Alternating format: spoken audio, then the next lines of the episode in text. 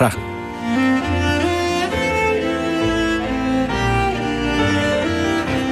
Het spoor terug. Ja. Met in Sport terug vandaag deel 1 van een tweeluik over Auschwitz-overlevende Eva Slos. Gemaakt door Julie Blusset, eindmix Berry Kamer. Eva Schloss en Anne Frank werden allebei in 1929 geboren. Beide zijn Joods, beide vluchten met hun familie naar Nederland... en beide kwamen aan het Merwedeplein in Amsterdam te wonen. Allebei doken ze onder. En allebei werden ze in 1944 verraden en gedeporteerd naar de concentratiekampen. Anne Frank naar Bergen-Belsen, Eva Schloss naar Auschwitz. Ze hebben kortom veel met elkaar gemeen. Maar er is één letterlijk levensgroot verschil... Eva overleefde en Anne niet. In haar boek After Auschwitz zei Eva daar dit over. Aan het eind van haar dagboek, vlak voor ze verraden werd, schreef Anne dat ze nog altijd in de goedheid van de mens geloofde.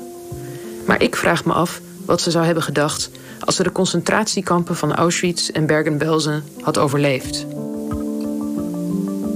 Een paar weken terug kon ik Eva Schloss twee middagen achter elkaar interviewen. Eva woont in Londen en dus verliepen de gesprekken via een videoverbinding. Nadat Eva allebei haar prikken had gehad, kon ze thuis een Britse geluidsman ontvangen om haar kant van het gesprek op te nemen. Is it connecting? Yes, it's connecting. Just trying to get the video to. Testing, testing. Yeah, yeah. Eva, de witte haren netjes gekamd, met roze lippenstift op en een babyblauwe wollen trui aan, zat aan tafel met haar blik recht op mij gericht. Ja, ik zie u heel goed. Ziet u mij ook? Ja, perfect, perfect. In gesprek met haar was het moeilijk voor te stellen dat ze tot diep in de jaren tachtig nooit over de oorlog had gesproken. Want geen vraag of onderwerp was taboe. Is het Hilversum nog steeds? Vroeger was het altijd Hilversum.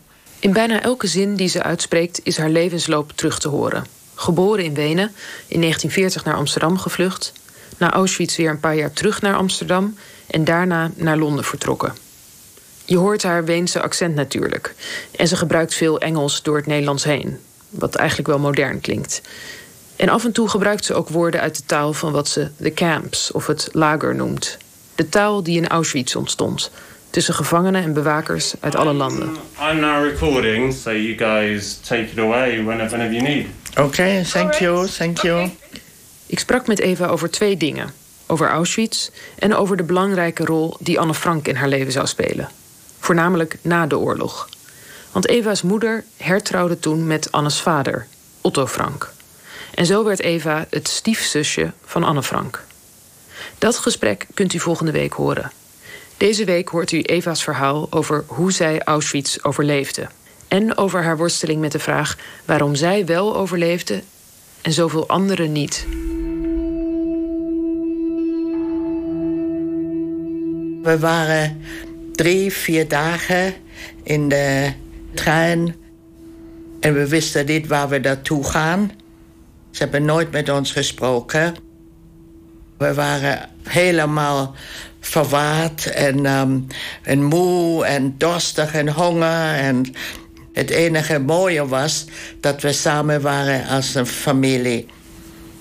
Ik was met mijn moeder, met mijn vader en met mijn broer. En toen eindelijk stopte de trein. En de deuren waren geopend en we hebben schreeuwen gehoord. Vele, vele mensen zagen we met de gestreepte uniform. En vele nazi's. Ze hebben geschreeuwd, eruit, eruit. Het was heel hoog, dus ze zijn naar beneden gesprongen. En hebben omgekeken en zagen dat we in Auschwitz waren. En dan hebben ze geschreeuwd, mannen en vrouwen verschillende kanten uit. Dus daar hebben we afscheid moeten nemen van mijn vader en mijn broer. We zijn naar elkaar gelopen en hebben gekust en aangehouden. Maar de nazi's zijn meteen gekomen en ons uiteenander gejaagd. Ik herinner me, mijn vader was geen religieuze man, maar hij heeft me bij de handen genomen en gezegd: Evertje, ik ben Eva, maar hij heeft me Evertje genoemd in Holland. God zal je beschermen. Dat herinner ik me zo goed, omdat hij was eigenlijk niet heel religieus. Maar op dat ogenblik, hij kon me niet meer beschermen, dus hij geeft me over aan God.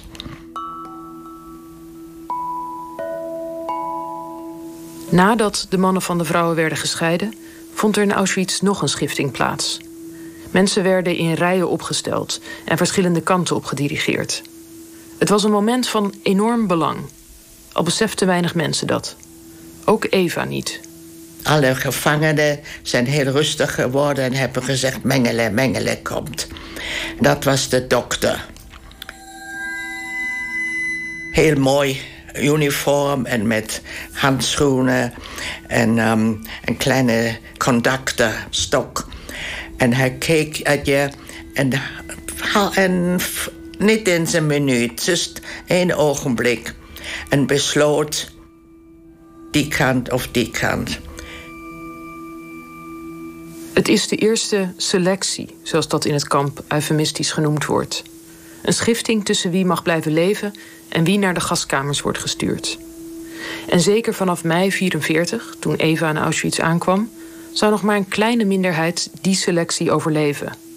Die minderheid moest in het kamp het werk verrichten dat de vernietigingsmachine Auschwitz draaiend hield.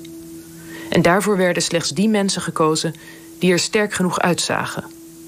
Doorgaans werden ouderen en kinderen onder de 16 direct vergast. Toen Eva aankwam, was ze net 15. Ik had toch mijn kleren aan van hoe we gearresteerd waren. Dus dat was een goede week oud. En um, mijn moeder had een Westerbork, heeft een en geen, niet iemand die we kenden, maar iemand heeft er een jas en een hoed gegeven. En mijn moeder geeft dat aan mij. Ze zegt, misschien komt het te pas later. Was warm, ik wou het niet. En die grote hoed wou ik ook niet. Maar ik heb het aangedaan in ieder geval. En dat heeft me really mijn leven gered. Op dat van Mengele keek mij aan, just een halve seconde. En um, hij kon niet zien hoe jong ik was.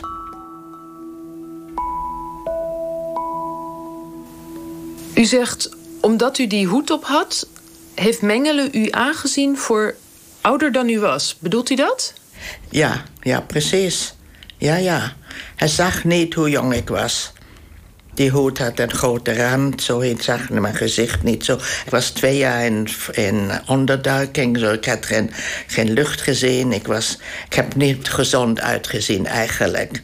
We hebben ongeveer half onze Hollandse transport verloren. Alle oudere mensen, alle kinderen. En um, zelfs even meisjes die waren ouder dan ik. En hij heeft het in een halve seconde heeft besloten. Dus dat is het eerste mirakel. Het eerste mirakel? Ja. Mirakel. Het is een woord dat Eva nog vaker gebruikt als ze vertelt over wat ze heeft meegemaakt in Auschwitz. Ze heeft het ook over het geluk wat ze had en over de ongelofelijke zaken die haar van de dood redden. Mirakel, geluk, ongelooflijk. Het zijn allemaal vreemd positieve woorden om ook maar iets te beschrijven wat zich in Auschwitz heeft afgespeeld. En toch is het, cru genoeg, niet meer dan logisch dat iemand die Auschwitz heeft overleefd, zeker tientallen keren een onwaarschijnlijk miraculeus geluk moet hebben gehad. Want hier zijn de kille cijfers. 1,3 miljoen Joden zijn naar Auschwitz gedeporteerd. 1,1 miljoen zijn er vermoord. Toen het kamp op het punt stond bevrijd te worden, in januari 45, toen dwongen de nazi's zo'n 60.000 gevangenen tot een dodenmars naar andere kampen, waarbij meer dan een kwart om het leven kwam. Eva behoorde tot een van de slechts 7000 mensen die bij de bevrijding van het kamp nog in leven waren. 7000. En de helft daarvan, ziek en uitgehongerd, stierven alsnog kort na de bevrijding. Ja, ja, er waren veel miracles voor mij. Als die niet gebeurd waren, zou ik zeker niet hier zijn. Um, maar was, het kan ook toeval zijn. Veel geluk, veel toeval. Ik weet niet. En um, ik heb me ook afgevraagd waarom ik. Dat natuurlijk. En dat weet ik nog immer niet waarom.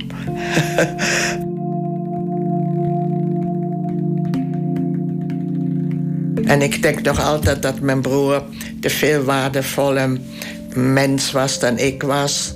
En waarom hij niet overleefd heeft. En ook mijn vader niet. Dat kan ik stil niet accepteren eigenlijk. En dan die kinderen. In Holland, vele van mijn vrienden hebben het niet overleefd. En um, ja. In de eerste weken in Auschwitz wordt Eva ernstig ziek. Overmand door enorme dorst na de lange treinreis drinkt ze water uit het eerste kraantje wat ze in het kamp ziet. En daardoor loopt ze de tyfus op. Maar, en ook dat noemt Eva miraculeus, haar moeder weet aan medicijnen te komen, terwijl die normaal gesproken niet voor Joodse gevangenen beschikbaar zijn. En net op het moment dat Eva weer hersteld is, is het moment aangebroken waarop alle gevangenen te werk zullen worden gesteld. En welk werk je krijgt toebedeeld, weet Eva dan al, is bepalend voor je overlevingskansen. Ja, dus de SS is gekomen en heeft uitgezocht voor Canada. Had geen idee wat is Canada. En um, ik was een van de jongste mensen natuurlijk. Oh, de jongste, ik neem aan. En ik zag er nog tamelijk leuk uit, denk ik. En hij keek mij aan en hij zegt Canada. En um, ik dacht, zo, ik zal wel anders gaan als mijn moeder. En ik was vreselijk angst gehad dat ik van haar weggenomen word. Dat zij weer anders gaat werken en zo. Dus toen zeg ik, in Duits zeg ik tegen hem... kan mijn moeder ook komen? En de kappel die naast hem stond, die, haar mouw viel open. Hoe kan een gevangene met SS iets vragen? Dat is nooit gebeurd. Maar de nazi was ook, geloof ik, een beetje verbaasd. En hij heeft mijn moeder aangekeken. En ze was een heel mooie vrouw. Natuurlijk met een geschoren hoofd zag ze niet zo mooi uit. Maar ze had een heel mooi gezicht. En heeft haar aangekeken en zegt, ja, Canada. Canada was een plek in het kamp die zo genoemd werd omdat het, net als het land Canada, bekend stond als een land van overvloed. Hier werden namelijk alle spullen samengebracht die de mensen in de trein naar Auschwitz hadden meegenomen. En die hen na aankomst onmiddellijk waren afgepakt. Ja, wij hadden niet veel, omdat wij zijn gearresteerd meteen um, naar Westerbork en verzonden. Maar vele mensen van andere landen hebben een koffer gehad, dachten ze kunnen ergens wonen en ze willen alle mogelijke dingen hebben ze meegebracht. En ook hebben we in hun jassen en in hun kleden hebben ze geld of um, juwelen verborgen. Dus wij moesten die, die, de zoom opsnijden en kijken of er wat was. En we hebben veel gevonden. En dat moesten we de nazi's overgeven. En dat was dan gestuurd naar Duitsland door de steden die gebombardeerd waren. Brillen, schoenen, alles mogelijke wat de mensen meegebracht hebben. Het was niet zwaar werk en je vond ook eten. En um, je had ook een beetje rust. Middags je kon gaan eten wat je hebt gevonden. Dat was goed, goed, goed, goed arbeid eigenlijk.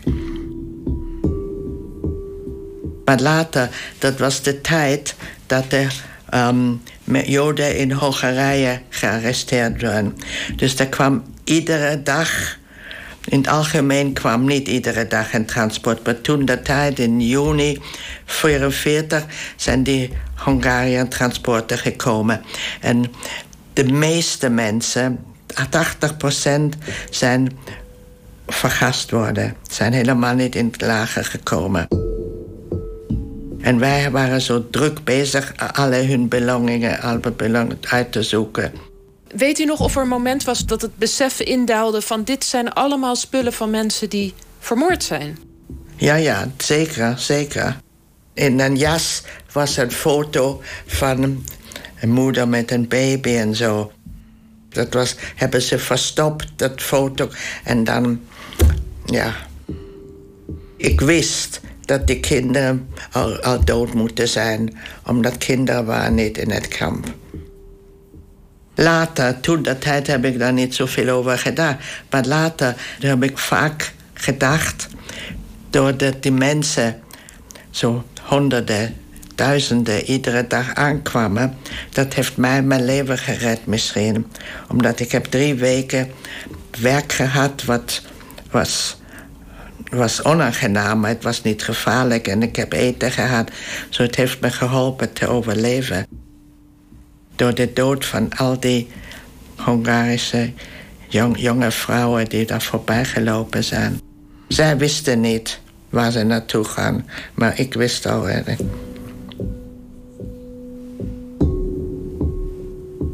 Ja, een ander miracle was ergens anders in het kamp. Je werkte de hele dag. Maar Canada, daar was um, een uurtje konden we eten of whatever. Dus ik was zitten daar heb een stuk brood wat ik gevonden heb, heb ik gegeten. Um, dan heb je brood, dan heb je kaas, dan heb je chocola gevonden. Alle mogelijke dingen, dat kan je dan meenemen. En ik zat daar op de grond bij de prikkeldraad. En ik zie mannen aan de andere kant lopen. En um, ik zie een man, heeft ook met een strijpt uniform. Wij hadden nooit die strijpte pyjama's. We hadden altijd iets, in één kleed of een jas of iets. En met een, met een kap ook. En het was mijn vader. Ik wist niet dat toen, toen de tijd, of hij was selected of mijn broer was selected. Of course, ik heb gevraagd, is hij oké? Okay? En uh, ja, ja, hij is oké. Okay. En dat was heel raar dat ik zo met hem kon spreken. En hij vraagt me waar moeder is. Die was ergens anders werk in Canada, maar op een andere um, hij zegt, ja, ja, ze is oké.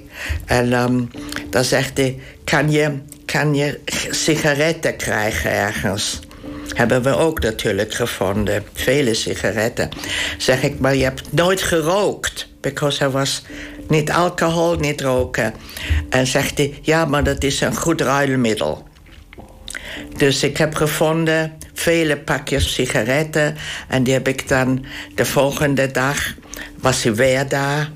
Um, heb ik over de draad gegooid. En ik zag hem voor drie dagen en dan kwam hij niet meer daar. Mijn broer was een grote jongen, hij was 16 jaar. En mijn vader was 40 jaar. Um, dus ik, ik dacht niet dat ze uh, vergast waren. Maar je weet nooit, je weet nooit hoeveel mannen ze wouden toelaten in het kamp. Dus ja, dat was heel belangrijk. Hadden we echt uh, hoop dat, ja, dat we toch weer samen zullen komen als een familie. Rond dezelfde tijd volgt nog een wonderbaarlijke ontmoeting in het kamp. Eva wordt weer ziek. En als duidelijk is dat ze zonder medische hulp alleen maar verder zal aftakelen, dan besluiten haar moeder en Eva erop te wagen en naar de ziekenbarak te gaan. Ook al was de kans klein dat je daar echt geholpen zou worden. Maar daar is, wonder boven wonder, Minnie. Minnie is het nichtje van Eva's moeder uit Praag. En ze werkt in de ziekenbarak als verpleegster. Ongelooflijk. Ongelooflijk. Als je weet hoe groot dat camp was. En van de andere part van de wereld. Ja, familie. Dat was really onbegrijpelijk. En, en zij vertelde dat ze waren in Theresienstadt, Theresien. En waren dan naar Auschwitz gestuurd met haar man. En hij was een skindokter, huiddokter. En hij werkt met mengelen. Zo hij kon zijn vrouw een goed werk geven. Het was niet zo goed, maar het was safe. Hij heeft gezegd dat zijn vrouw heeft hem geholpen. Ze was een verpleegster, which she wasn't. En zo ze werkte daar met mengelen. En zo, dat, dat is really kan het alleen maar een mirakel komen. Van different places kan je niet begrijpen wat een mirakel dat was. Minnie helpt Eva weer te herstellen. En ze slaagt er ook in om later af en toe kaas en worst uit de ziekenbarak naar Eva en haar moeder te smokkelen. Het zijn maar kleine beetjes, maar essentieel om in leven te blijven. Dat heeft heel veel geholpen, heel veel geholpen. Maar het was misschien oktober. We weten natuurlijk niet, maar het was already colder. Again waren we um, bij een douche en we komen eruit en een selectie neemt plaats. Dus Mengele stond daar met PSS, mannen en vrouwen. En we hadden naakt moeten omdraaien. Hij keek ons aan. En ik ga, ik ga door. En mijn moeder komt naar mij. En hij laat haar nog eens ronddraaien. En dan zendt hij haar met veertig andere vrouwen van ons transport door de slechte kant.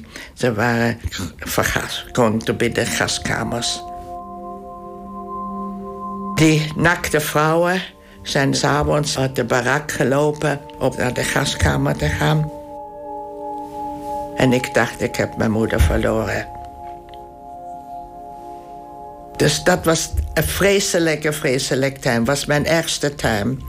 Ik wou bijna opgeven. Ik zeg, ik kan dat niet meer maken. Mijn moeder is dood. Ik weet niet wat met mijn vader is. Ik weet niet wat met mijn broer is. Ik kan niet verder maken.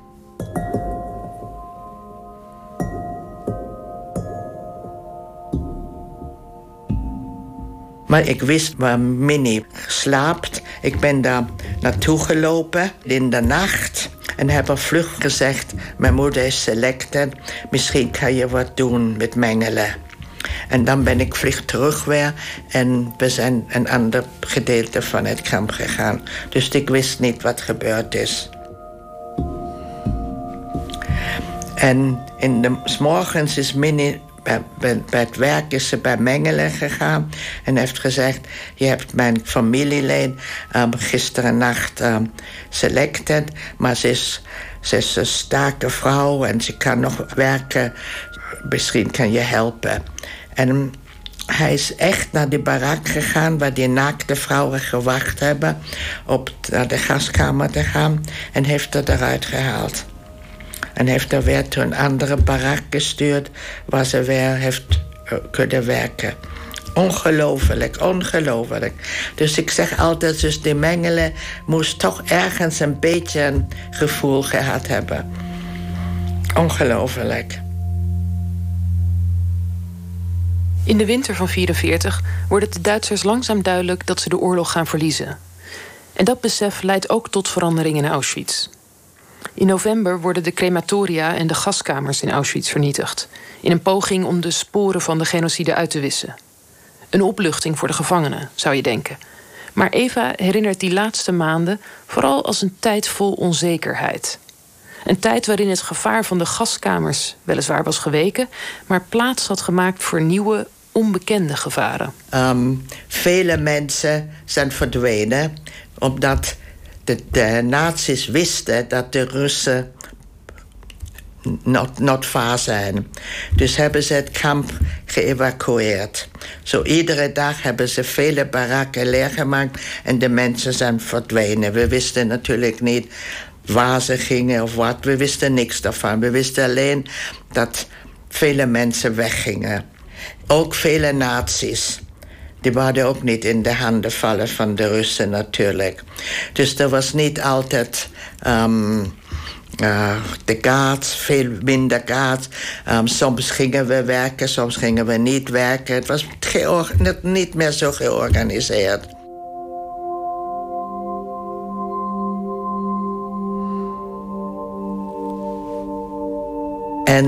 Een dag, als we niet werkten, ik loop zo rond en zie of ik iets kan vinden om te eten. Of wat, en daar komen drie mensen van onze Hollandse transport lopen. En ze zeggen, oh Eva, Eva, goed dat ik je zie. We hebben je moeder gezien. En ik zeg, dat bestaat niet. Mijn moeder is is vergast. Dus, um, ja, ja, ja, ze is, ze is met je kassen, met die mini. Uh, ze beschermt haar daar in een barak, um, in kamp zee of whatever.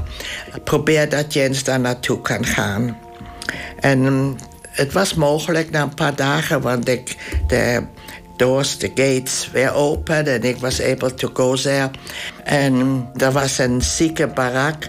Er waren um, single beds, drie hoog. En indeed, dat was mijn, moeder.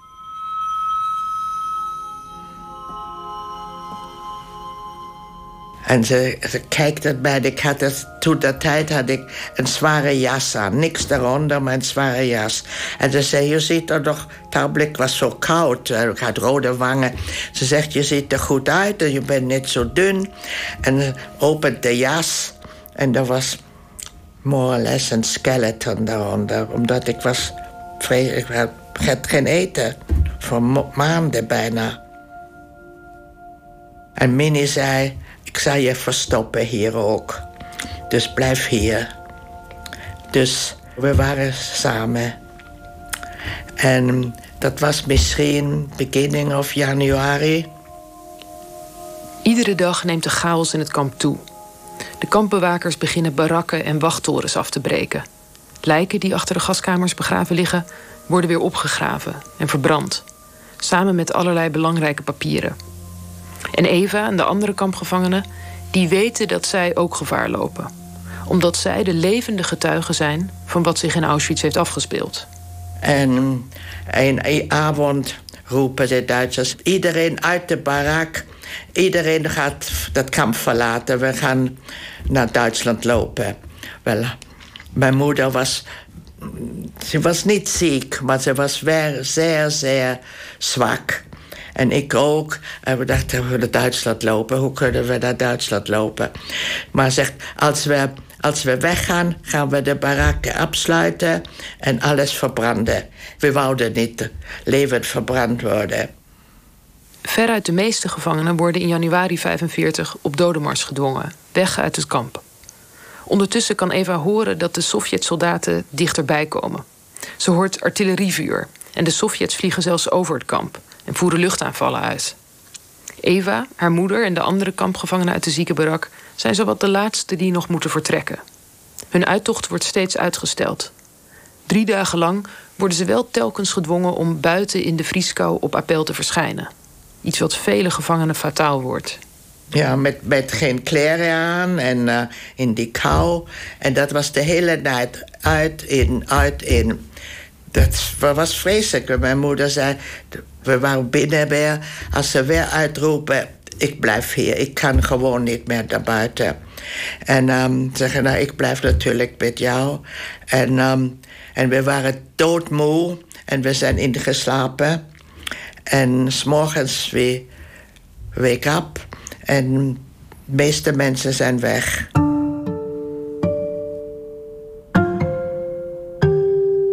Zo, er waren misschien in dat hele kamp misschien 500 mensen in die verschillende barakken. En die hebben het niet, niet verbrand. Ze zijn ook weggelopen, de nazi's. Alle nazi's waren weg. De gates waren open. We konden, we konden weggaan. We konden uit Auschwitz, uit Birkenau weggaan. Maar waar gaan we in onze conditie? Poolse mensen, waren ook een paar Poolse mensen, zijn weggegaan. Die wisten, die kunnen dus spraak en hadden misschien familie ergens. Maar wij zijn gebleven. En dan, na misschien vijf dagen, vele mensen zijn gestorven. En ik was nog een van de sterkere mensen met een Poolse vrouw. En was, de sneeuw was zo hoog. En we hebben de, door de mensen uit de barak gewoon naast de barak neergelegd.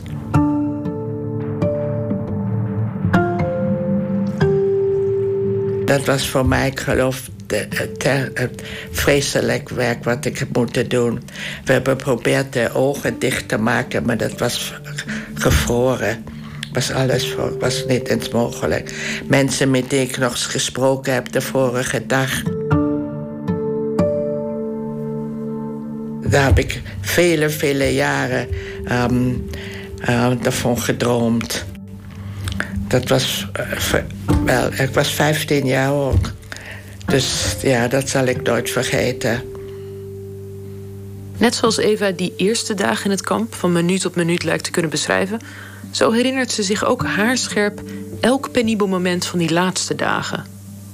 Ze vertelt hoe, al nadat de Sovjet-soldaten het kamp hebben bereikt, haar moeder op een haar na door SS-soldaten wordt vermoord. Als die kort terugkeren naar Auschwitz. En ze beschrijft hoe vele kampgevangenen die de bevrijding van Auschwitz meemaken, in de dagen erna alsnog sterven. Velen sterven een hongerdood. Vele anderen juist doordat ze te veel eten van het eten wat de Sovjets ze voorschotelen. Ook Eva zelf wordt doodziek nadat ze te veel eet van een memorabele koolsoep met spekjes. De dood was vanaf Eva's aankomst in Auschwitz alom aanwezig. Maar zo met de vrijheid in het vooruitzicht scheen de dood haar vreder dan ooit voor. Ik vroeg Eva wanneer ze zich voor het eerst weer echt veilig voelde. Maar dat kon ze eigenlijk niet echt zeggen. Zelfs niet toen de oorlog afgelopen was en ze met haar moeder terug was in hun appartement in Amsterdam. Want alles in dat appartement herinnerde haar aan de afwezigheid van haar vader en broer. Daar waren aan de waren de, uh, toen mijn vader gemeten had hoe groot we gegooid zijn, dat zag ik daar en al onze dingen waren daar. Nog jarenlang zou Eva, tegen beter weten in, bij het geluid van een auto die voor de deur stopte, de oren spitsen. In de hoop dat haar broer en vader terug waren. Zelfs nadat een brief van het Rode Kruis hun dood had bevestigd. Tot diep in de jaren tachtig zal ze met bijna niemand praten over Auschwitz. Nee, ik kon, ik kon er niet over praten. Het was te vroeg, ja. Ik heb het weggedrukt. Ik heb geprobeerd niet eraan te denken. En dat kon natuurlijk niet. Dus ik heb altijd gedroomd daarvan. Toen ik nog met mijn moeder samen was, heb ik ook geschreeuwd s'nachts. Heeft ze me ook wakker gemaakt en gezegd: is zo you are safe now en zo. Daarom weet ik zoveel precies. Ik heb over die 40 jaren waar ik er niet over gesproken heb. In kleine details heb ik alles gedroomd. Het is niet verleden. Ik zie alles in beeld in, in front of me.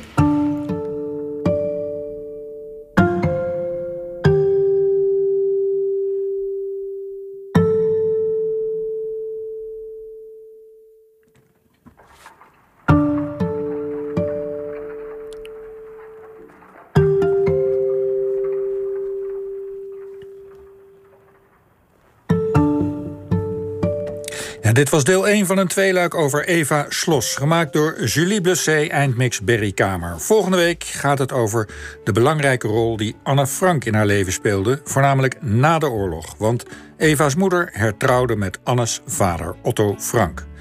En wilt u meer weten over uh, Eva Slos, bijvoorbeeld over haar boeken, ga dan naar onze site vpro.nl/slash OVT. Er is nog veel meer te vinden, zoals ook alles over onze podcastseries. Zoals Het Laatste Woord, de plantage van onze voorouders en meesterspion George Blake. En dit was OVT voor vandaag.